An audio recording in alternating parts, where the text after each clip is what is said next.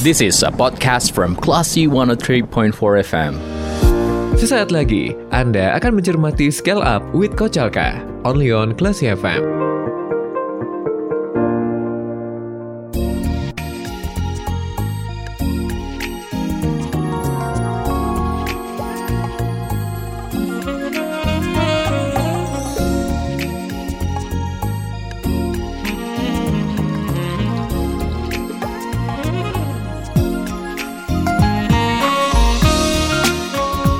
Bumi Karang Putih Hindarung Padang, Monoteri Penfo Kelas FM, this is the actual radio. Assalamualaikum, selamat pagi kelas Bebal. Gimana kabar Anda di pagi hari ini? Semoga sudah siap untuk mengawali aktivitas dan to-do list yang sudah direncanakan di hari ini. Senang sekali Sedita Indira bisa menemani Anda dalam Scale Up with Coach.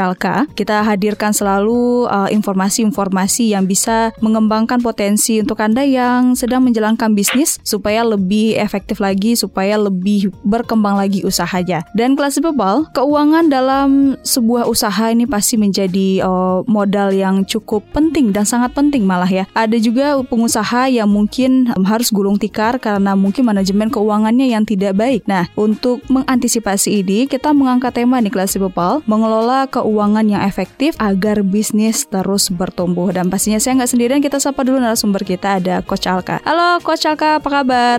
Halo Dita, Alhamdulillah baik. Classy People, gimana kabarnya? semuanya semua. Semoga juga baik ya Coach ya di pagi hari ini dan sudah siap untuk mendapatkan ilmu dan informasi baru di Coach. Amin. Oke, nah terkait dengan tema kita nih Coach, yang paling dasar untuk kita ketahui dulu sebelum kita membahas hal yang efektifnya ya Coach ya, mungkin kita perlu pahami bersama dulu nih Coach, apa itu mengelola keuangan yang efektif dalam bisnis Coach? Ya, mengelola keuangan dalam efektif dalam bisnis itu sederhananya adalah teman-teman pemilik bisnis atau pelaku bisnis itu paham bagaimana proses mengelola dan mengendalikan hal-hal yang terkait dengan uang di bisnisnya. Misalnya ngelola uangnya, arus kasnya, uang keluar uang masuknya, terus memantau tentang hutang dan piutangnya, mengelola anggarannya, terus laporan keuangannya, bahkan perencanaan keuangan. Karena dengan dia paham itu, otomatis dia lebih peka untuk memahami kondisi bisnis saat ini. Karena seringnya orang kan bisnis ketika tidak paham keuangan, dia pikir bisnisnya bagus lagi melejit nih, tapi pas eh, diperiksa nggak ada uangnya,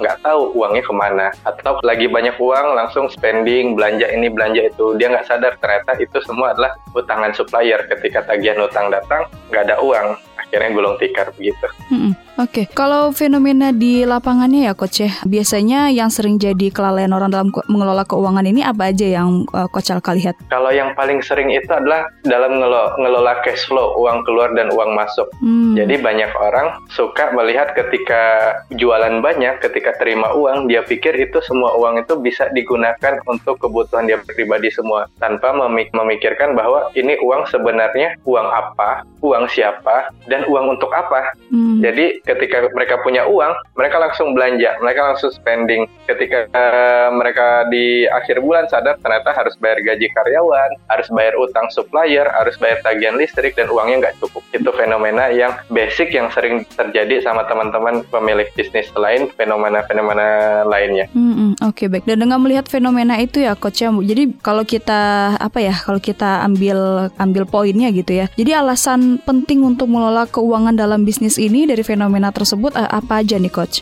Ada banyak yang mendorong pemilik bisnis perlu paham bagaimana mengelola keuangan. Dari sekian banyak alasannya kita kumpulkan ada tiga yang paling fundamental. Yang pertama itu adalah kenapa sih kita penting mengelola keuangan? Yang pertama adalah menghindari kebangkrutan. Hmm. Karena 100% bisnis itu tutup bukan karena rugi, tapi karena nggak ada uangnya lagi. Ketika bisnis udah nggak ada uangnya lagi, dia nggak punya darah untuk melanjutkan bisnisnya. Anggaplah kalau bisnis itu rugi. Contoh ada beberapa perusahaan kondisi dia merugi, tapi ketika dia ada uangnya, dia masih bisa survive untuk bertahan uh, bulan ke bulan dari mana sumber uangnya atau uh, dari mana sumber cash untuk hidupin. Tapi ketika sudah tidak ada uangnya, apa pakai apa dia bayar tagihannya? Pakai apa dia bayar karyawannya? Pakai apa dia bayar kebutuhan-kebutuhan operasionalnya? Kapan ini terjadi? Ketika si pemilik bisnis nggak paham mengelola keuangan. Jadi dia spendingnya asal-asalan, arus kasnya asal-asalan, kelola uangnya asal-asalan, sehingga ketika ada kewajiban dia lalai. Itu yang pertama, menghindari kerugian atau ke, menghindari kebangkrutan. Yang kedua adalah ketika dia paham mengelola uang dengan baik, bisa meningkatkan efisiensi. Karena di awal tadi bagaimana mengenai kerugian, yang kedua adalah meningkatkan efisiensi. Bagaimana mengelola uang itu dengan baik. Bisnis yang mengelola uang dengan baik akan bisa meminimalkan biaya dan menghindari pemborosan. Sehingga efisiensi yang dilakukan itu membantu bisnis itu bisa bertumbuh dan berkembang. Uangnya bisa dipakai untuk nambah barang, uangnya bisa dipakai untuk bayar iklan, uangnya bisa dipakai untuk nambah uh, stok, uangnya bisa dipakai untuk nambah karyawan. Itu yang kedua.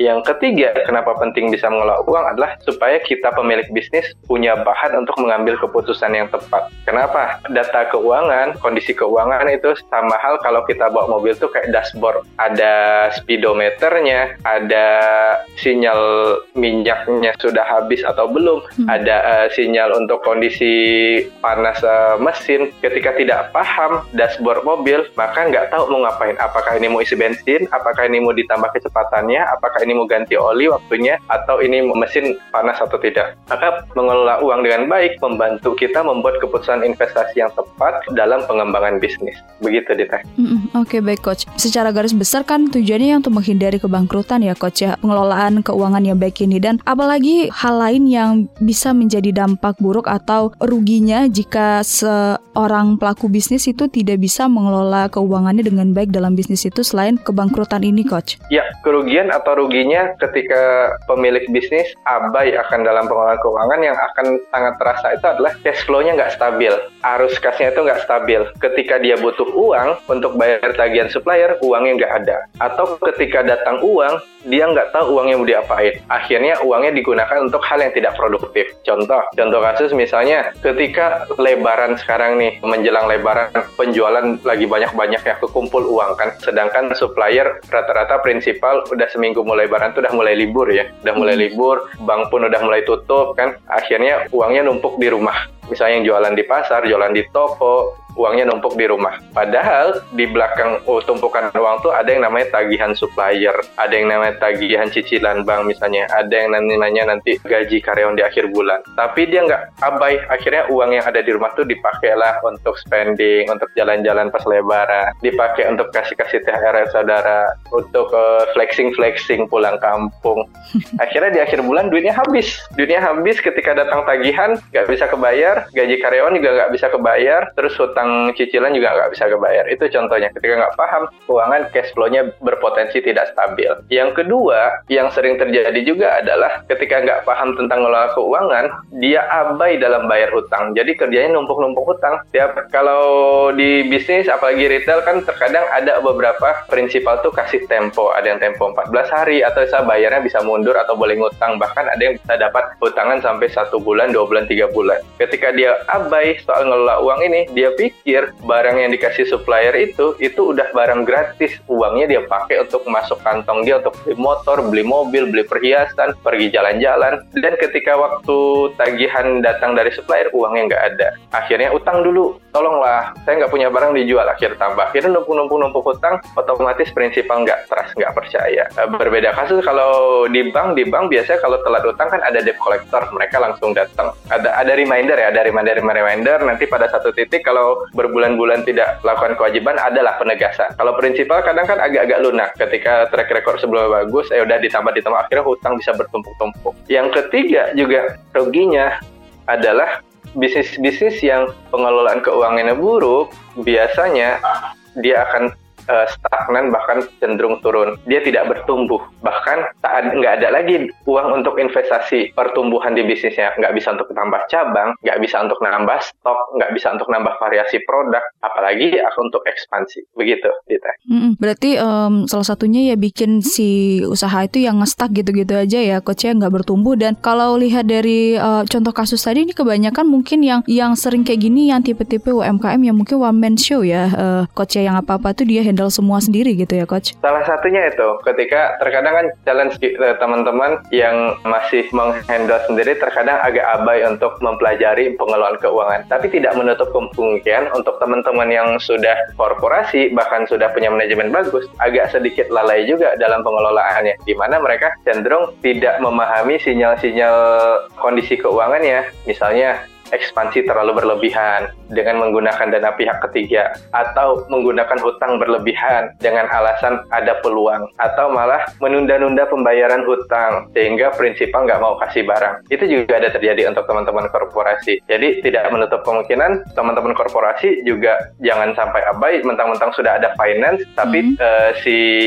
bisnis ownernya oh aman tuh sama finance. Ketika bisnis owner abai soal keuangan terkadang finance hanya melakukan rutinitas tidak sampai nge-planning atau merencanakan pengembangan bisnis. Begitu kita. Oke, berarti memang peranan planning pun juga nggak lepas dari pengelolaan keuangan ini ya, Coach ya. Dan supaya keuangan ini benar-benar efektif berjalan dalam bisnis, pasti kita ingin tahu juga kan, Coach, bagaimana cara mengelola keuangan yang efektif dalam bisnis. Tapi kita akan bahas di sesi berikutnya dulu ya, Coach. Nggak apa-apa ya. Kita jeda sebentar. Kita akan kembali lagi kelas People, so jangan ke mana-mana. Keep in tune di kelas FM.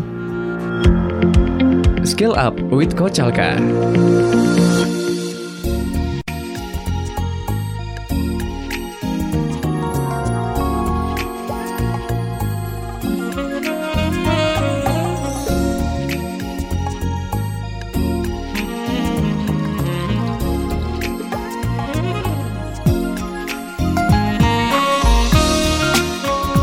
103,4 Kelas FM, this is the actual radio. Kelas People Anda masih mencermati Scale Up with Coach Alka. Kita kali ini mengangkat topik mengelola keuangan yang efektif agar bisnis terus bertumbuh. Anda pasti nggak mau dong bisnis Anda stuck gitu-gitu aja gara-gara manajemen keuangannya yang nggak bagus. Nah kali ini kita akan bahas nih supaya bisa menambah uh, referensi informasi untuk Anda yang sedang menjalankan bisnis. Tadi di sesi sebelumnya Coach Alka sudah memberi gambaran uh, gimana dampak negatifnya jika usaha itu tidak di diatur dengan baik keuangannya secara efektif karena selain bisa uh, menyebabkan usaha tidak berkembang, hal terburuknya adalah bisa membuat usaha menjadi bangkrut. Dan kita nggak mau dong hal ini terjadi dan yang ingin kita kuasai adalah cara untuk mengelola keuangan yang efektif dalam bisnis. Nah, coach, ini gimana nih coach caranya? Ya, untuk mengelola keuangan dalam bisnis sederhananya ada empat cara. Yang pertama itu kita pemilik bisnis bagaimana membuat anggarannya, anggaran dalam uh, keuangan di bisnis. Setelah ada anggarannya, yang kita lakukan kedua itu adalah memantau arus kasnya. Ketika arus kasnya bisa dipantau dengan baik, yang ketiga yang perlu dijaga adalah di, uh, utang piutangnya. Gimana untuk menjaga utang piutangnya tetap stabil. Yang keempat adalah baru membuat laporan keuangan dan rencana jangka panjang untuk pengembangan bisnis. Biasanya soal keuangan seputar empat itu aja muter-muter kayak uh, proses tuh. Nanti dari awal, kedua, ketiga, keempat nanti balik ke awal lagi. Mm -hmm. Oke, okay, semacam siklus gitu ya, coach ya. Oke, okay. tadi iya. uh, berarti poin-poinnya itu ada uh, gambar uh, anggaran dalam bisnis, terus ada arus kas, piutang dan juga laporan keuangan. Nah, kita kita runut dulu dari anggaran nih, coach. Ini bagaimana cara membuat anggaran dalam bisnis yang uh, tepat itu, coach? Ya, anggaran itu sederhananya tuh kita mencoba mengkotak-kotakan nih. Ibarat kalau kita punya uang uang jajan, yang mana mau ditaruh di saku depan, yang mana ditaruh di saku samping kiri, yang mana mau ditaruh saku kanan, yang mana taruh di dompet. Nah, kita rencanakan yang di saku depan ini buat apa nih? Oh, yang saku depan ini buat sedekah. Yang di saku kanan ini buat makan siang. Yang di saku kiri ini buat uh, beli makanan buat orang tua. Yang di dompet ini ini buat untuk kebutuhan selama seminggu depan. Di bisnis gitu juga ditetapkan nih kita punya uang ini akan kita rencanakan untuk apa? Apa target pengeluarannya? Terus apa juga target pendapatannya dalam satu periode tertentu? Biasanya kalau untuk teman-teman baru mulai ajakan kita mulai periode 30 hari. Jadi dari tanggal 1 sampai 30 apa aja anggaran target pengeluarannya, apa aja target pendapatan. Ketika sudah terbiasa, nanti mulai mulai merencanakan pos-pos anggaran seperti ada berapa sih selama sebulan ah, kita menganggarkan untuk belanja barang atau belanja bahan baku. Kalau yang produksi, kalau yang jualan belanja barang kan belanja grosir. Yang kedua, kalau yang produksi berapa sih anggaran biaya produksinya dari belanja bahan, nanti kan ada proses produksi berapa biaya anggaran biaya produksinya. Kita jaga supaya anggarannya itu jangan lebih untuk menjaga kesehatan keuangannya Yang ketiga, yang sering terjadi juga di bisnis itu adalah anggaran penjualan. Karena salah satu pintu masuk dari uang di bisnis itu adalah jualan. Kalau nggak ada jualannya, maka nggak ada tuh uang kembali ke bisnis kita. Supaya bisa jualannya efektif, biasanya ada biaya-biayanya. Ada biaya promosinya, ada biaya pengirimannya, ada biaya pengangkutannya, itu dianggarkan. Supaya kalau biayanya dibayarkan dengan baik, proses uh, promosi dan pemasaran dengan baik, maka penjualannya berjalan dengan efektif. Selain anggaran penjualan, teman-teman perlu menganggarkan juga tentang anggaran gaji karyawan atau tenaga kerja. Terus juga yang terakhir adalah anggaran biaya operasional lainnya. Misalnya biaya sewa tempat, biaya listrik, biaya telepon, atau biaya penyimpanan. Kira-kira begitu Dita untuk dalam menyusun anggaran sederhana di bisnis. Hmm, berarti pemetak-metakan anggaran misalnya kayak pengeluaran itu di awal kita akan melakukannya, misal di awal bulan gitu ya coach ya. Berarti memang kita sudah menetapkan limit gitu ya. Dan sebaiknya tidak melewati limit tersebut gitu ya atau bagaimana? Ya betul sekali. Kalau seandainya kita nggak nggak bikin anggaran di awal, inilah yang terjadi. Terkadang orang ketika terima uang, dia nggak sadar sama anggarannya, dia silau nih. Ah banyak duit nih, saya mau ganti motor ah. Hmm. Ah banyak duit nih, saya mau belanja di Shopee ah. Ah banyak duit nih, saya mau traktir traktiran orang lah. Bahkan flexing flexing mau beli jam tangan baru lah. Atau lebih brutal lagi, saya mau beli ganti mobil lah. Ini biasanya mereka nggak menganggarkan di awal. Akhirnya ketika dapat duit banyak, dia silau. Atau sebaliknya, ketika nggak ada duit, dia stres. Aduh, duitnya kok nggak ada ya? Padahal jualan ramai kok duit nggak ada ya? Akhirnya dia stres, nggak fokus ngurusin bisnisnya. Begitu. Hmm, Oke, okay, baik. Berarti balik lagi memang segala sesuatunya itu memang harus direncanakan dulu dan menjalankan prosesnya itu sesuai rencana yang di awal gitu ya, Coach ya. Biar nggak ada apa pengeluaran-pengeluaran yang tidak tidak diharapkan gitu ya, Coach ya. Iya betul sekali. Oke okay, baik. Dan kalau tadi itu cara membuat anggarannya ya coach ya untuk mengelola arus kas ini coach. Ini gimana caranya coach? Ya ketika kita udah punya anggaran, artinya kan si uang ini udah mulai siap-siap untuk berjalan selama satu bulan ke depan. Maka kita harus pantau perjalanannya. Bayangkan uang ini ibarat sebuah air yang ada di aliran-aliran pipa. Kita perlu pantau nih air ini ngalirnya ke mana aja. Alirannya ini lancar atau tidak, mandek atau tidak, ada yang bocor atau tidak ada yang kesendat atau tidak, atau malah nguap. Begitu juga dengan arus kas atau uang di bisnis kita. Kita perlu pantau uangnya ini masuknya dari mana, keluarnya dari mana. Ada beberapa poin-poin yang perlu dijaga dalam mantau arus kas yang sering orang teledor. Yang pertama tuh adalah cenderung orang-orang yang baru mulai bisnis atau bahkan sudah puluhan tahun bisnis, tapi karena dia bisnisnya masih sendiri, one man show, dia tidak memisahkan rekening usaha dengan rekening pribadi. Hmm. Ini salah satu kesalahan yang sering dilakukan yang menyebabkan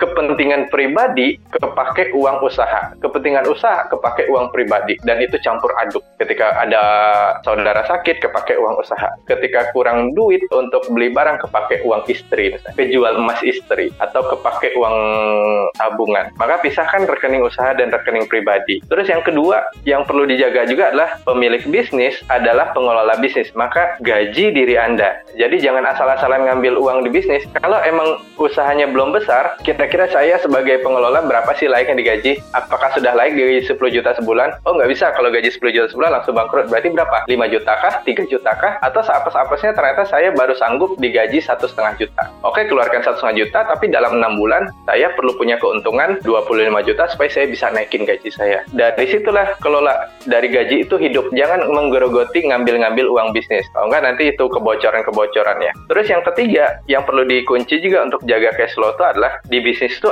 perlu ada kas kecil atau petty cash. Petty cash itu gunanya adalah dana uang tunai yang digunakan untuk biaya operasional. Sehingga misalnya bayar gaji listrik, eh, bayar listrik, gaji gaji karyawan atau biaya-biaya kecil ada di petty cash. Jadi ketika di akhir bulan kita nggak pusing nih ketika uangnya nggak ada nih, ada kebutuhan satu bulan udah ada di petty cash. Jadi kalaupun sesuffer-suffernya bisnis, sesuai bisnis, operasional satu, bulan ke depan akan berjalan lancar. Begitu. Oke baik coach. Eh yang menarik ingin saya tanyakan juga nih coach. Berarti buat uh, pelaku usaha yang mungkin milik sendiri dan masih one man show gitu ya coach ya. Berarti keuntungan yang dia dapat saat proses bisnisnya gak sepenuhnya itu menjadi bagian dari rekening pribadinya berarti ya coach ya? Yes, kalau dia pengen usahanya berkembang, sebaiknya dia harus berpikir jangka panjang dengan memisahkan rekening pribadi dan usaha dan menggaji diri dia. Kenapa? Karena dasar untuk mengembangkan bisnis itu adalah uang dari usaha. Kalau seandainya dia berpikir ya sudah saya gini-gini aja satu usaha udah cukup ini ini trading for living. Kalau kita bilangnya di bisnis ada mereka trading for living. Hmm. Mereka usaha cuma untuk hidup. Target dia adalah cuma kebutuhan hidup. Ya ya udah terserah. Mau gabung uang bisnis, mau gabung uang pribadi bebas. Artinya dia hidup dia hanya bergantung sama satu usaha dan nggak ada keinginan untuk mengembangkan ke mana-mana. Ya sudah, nggak nggak ada kewajiban. Tapi kalau dia berpikir ingin mengembangkan bisnis dia, jangan coba-coba deh uang pribadi sama uang usaha digabung-gabungin, terus nggak ngeluarin gaji. Ujung-ujungnya pada satu titik dia akan pusing sendiri, stres sendiri, dan depresi sendiri karena nggak ada uang untuk mengembangkan bisnis kita. Hmm, berarti si owner menggaji diri sendiri ini apakah sekian persen dari keuntungan atau uh, ini bagian dari rencana pengeluaran gitu, coach? Kalau saran kami kepada teman-teman adalah gaji diri Anda selayak. Misalnya, kalau baru mulai bisnis, gaji UMR, misalnya dua, uh, UMR-nya 2,7. Hmm. Berarti Anda gaji diri Anda 2,7. Tapi kan usaha saya keuntungannya masih satu juta sebulan nggak cukup. PR Anda sebagai pemilik bisnis bagaimana meningkatkan penjualannya supaya punya keuntungan minimal minimal tiga kali dari gaji Anda. Jadi kalau tak awal belum belum itu Anda berhutang. Jadi si bisnis berhutang ke diri Anda yang ngelola. Gaji saya 2,7 tapi cuma dibayar sejuta. Situ drivernya. Dan juga juga jangan serampangan juga ternyata mentang-mentang saya pemilik bisnis saya pengen digaji 10 juta. Padahal effortnya kecil kan. Mm-hmm. Usahanya belum seberapa. Keuntungannya cuma 10 juta. Terus pakai untuk bayar gaji 10 juta. Terus usahanya mau ngapain? Mau gulung tikar, mau gitu-gitu aja. Maka gaji diri Anda layak dan realistis fokusnya pada pengembangan usaha beberapa tahun ke depan. Begitu. Oke, berarti gaji owner pun menggaji diri sendiri pun bagian dari perencanaan bisnis juga ya, coach. Tidak uh, sepenuhnya semua laba menjadi keuangan pribadi si owner juga gitu ya. Iya, idealnya kalau bisnis kalau untuk ngambil laba itu sebaiknya sekali setahun. Hmm. Jadi nampak nih, misalnya selama setahun ada keuntungan 200 juta. 200 juta, maka saya ambil 100 juta untuk uh, saya simpan, 100 juta saya gunakan untuk mengembangkan bisnis. Kalau setiap bulan laba diambil, khawatirnya nanti uang tidak terkumpul dan bisnis Anda tidak berkembang. Bisnisnya akan jalan di tempat. Ketika ada satu waktu kondisi krisis, Anda tidak punya cadangan uang dan berpotensi bisnis Anda akan mundur atau bangkrut begitu. Oke, baik. Kalau tadi sudah dikasih poin di awal ya sama Coach Alka nih kelas Bupal mengatur anggaran, terus juga mengatur arus kas juga ada pengelolaan utang piutang ya Coach ya. Tapi kita jeda sebentar nggak apa-apa Coach, kita uh, lanjut di sesi berikutnya untuk pembahasan uh, pengelolaan utang piutang ini. Nah, kelas People jangan ke mana-mana. Keep in tune di 103.4 Kelas FM. Skill Up with Coach Alka.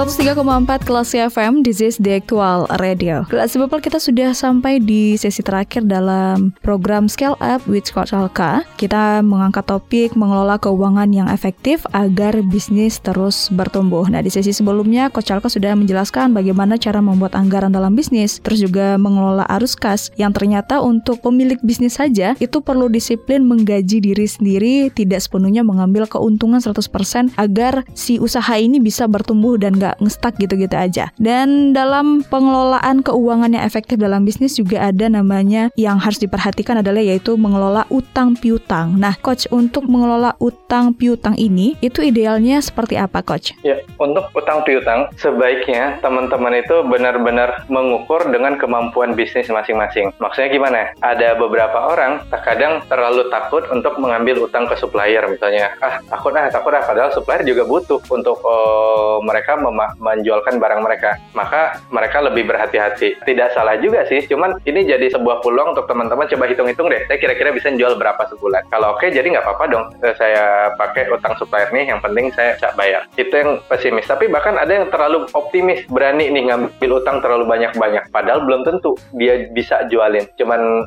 sekedar hitungan kasar ya, nanti saya jual ke sini, jual ke sini, jual ke sini. Boleh untuk awal-awal, satu kali, dua kali, tiga kali. Tapi kalau lebih dari tiga kali, Anda nggak bisa ngabisin barang yang diutangin, sebaiknya revisi jumlahnya hutang Anda. Jangan sampai kelebihan. Kenapa? Ketika hutang Anda bertumpuk-tumpuk, bisa jadi resiko ke depannya adalah nama baik Anda akan uh, rusak di mata supplier. Dan terkadang beberapa supplier ini mereka saling berteman-teman. Jadi ketika dia tahu, eh ada si A nih, dia punya hutang nggak pernah dibayar, hutangnya numpuk-numpuk, minta tunda bayar, tunda bayar, bahkan ada beberapa hutang yang uh, macet. Janganlah kasih barang. Itu akan menyulitkan Anda. Jangankan mau berkembang, untuk survive bisnis Anda ada aja orang nggak mau. Maka ketika butuh barang, orang curiga dulu, nih dia bakal bayar atau nggak ya? Hmm. Kalau dikasih utang bakal bayar nggak sih? Dia punya duit nggak sih? Kan? Orang ngasih barang aja ragu, jangan-jangan nggak punya duit itu untuk utang. Dan begitu juga dengan piutang. Piutang bisa, apalagi teman-teman yang bisnisnya grosir kan, terkadang tergoda nih untuk mendorong penjualan besar, dikasih piutang ke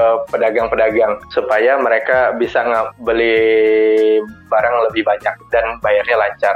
Padahal di kenyataannya belum tentu mereka bisa membayar dengan lancar. Maka kami pun suka mengajak kepada teman-teman yang khususnya bisnisnya sifatnya distributor atau grosir, customernya itu dibagi menjadi empat kategori deh. Ada yang belanjanya banyak dan bayarnya lancar, belanjanya sedikit, bayarnya lancar, belanjanya banyak, bayarnya tidak lancar, dan belanjanya sedikit, bayarnya tidak lancar. Yang belanja sedikit sama bayarnya tidak lancar, ini dieliminasi aja. Ngapain Anda buang-buang waktu ngurusin orang seperti ini? Hmm. Buang-buang energi, buang-buang waktu, dia pun juga tidak punya etikat baik. Biasanya orang cender eh, orang kayak gini cenderung manipulatif, ngomongnya banyak, janjinya banyak, tapi nggak konkret. Kurangin komunikasi dengan, nggak usah habisin energi. Terus yang kedua, untuk yang belanjanya banyak tapi bayarnya tidak lancar, yang kayak gini diwaspadai. Diwaspadai itu apa? Usahakan dia belanja itu cash. Utangnya dikurangin, piutangnya kurangin dikit-dikit. Utang kurangin dikit-dikit. Jangan sampai ada tagihan yang berganda. Ada dua atau tiga tagihan yang dempet. Usahain ketika dia pesan barang, bayar utang yang lama. Pesan bayar, bayar utang yang lama. Tapi nggak ada duit, bayar. Oh, berarti untuk sekarang pesanannya harus cash. Yang ketiga, belanjanya sedikit, bayarnya lancar. Ini nih, Anda perlu bangun komunikasi sama dia. Bangun komunikasi, ini bayarnya lancar, tapi kenapa belanja sedikit? Bisa jadi dia kemampuan jualnya belum bagus. Bisa jadi Anda bisa berbagi ilmu dengan dia, berbagi pengalaman dengan dia supaya penjualannya bagus. Kenapa? Orang yang punya komitmen bayar bagus, cenderung mereka akan hati-hati dalam menjaga hubungan. Dan seandainya kalau dia bisnisnya lancar, dia akan menjadi potensial customer Anda. Yang terakhir adalah orang yang belanjanya banyak, bayarnya lancar. Ini Anda jaga maintain mereka, dengarkan kebutuhan mereka, bangun hubungan dengan mereka supaya ke depan orang-orang ini tetap menjadi pelanggan Anda, jangan sampai berpindah. Yang ketiga yang perlu dijaga adalah terkait piutang adalah bayar tagihan tepat waktu. Karena tanggal tagihan itu adalah bentuk komitmen Anda. Orang-orang akan mencatat orang yang suka tunda-tunda bayar tagihan pada satu titik ketika orang sudah muak, orang akan blacklist nama Anda dan tidak dikasih akses Anda untuk berbisnis dengan mereka. Begitu, Dita.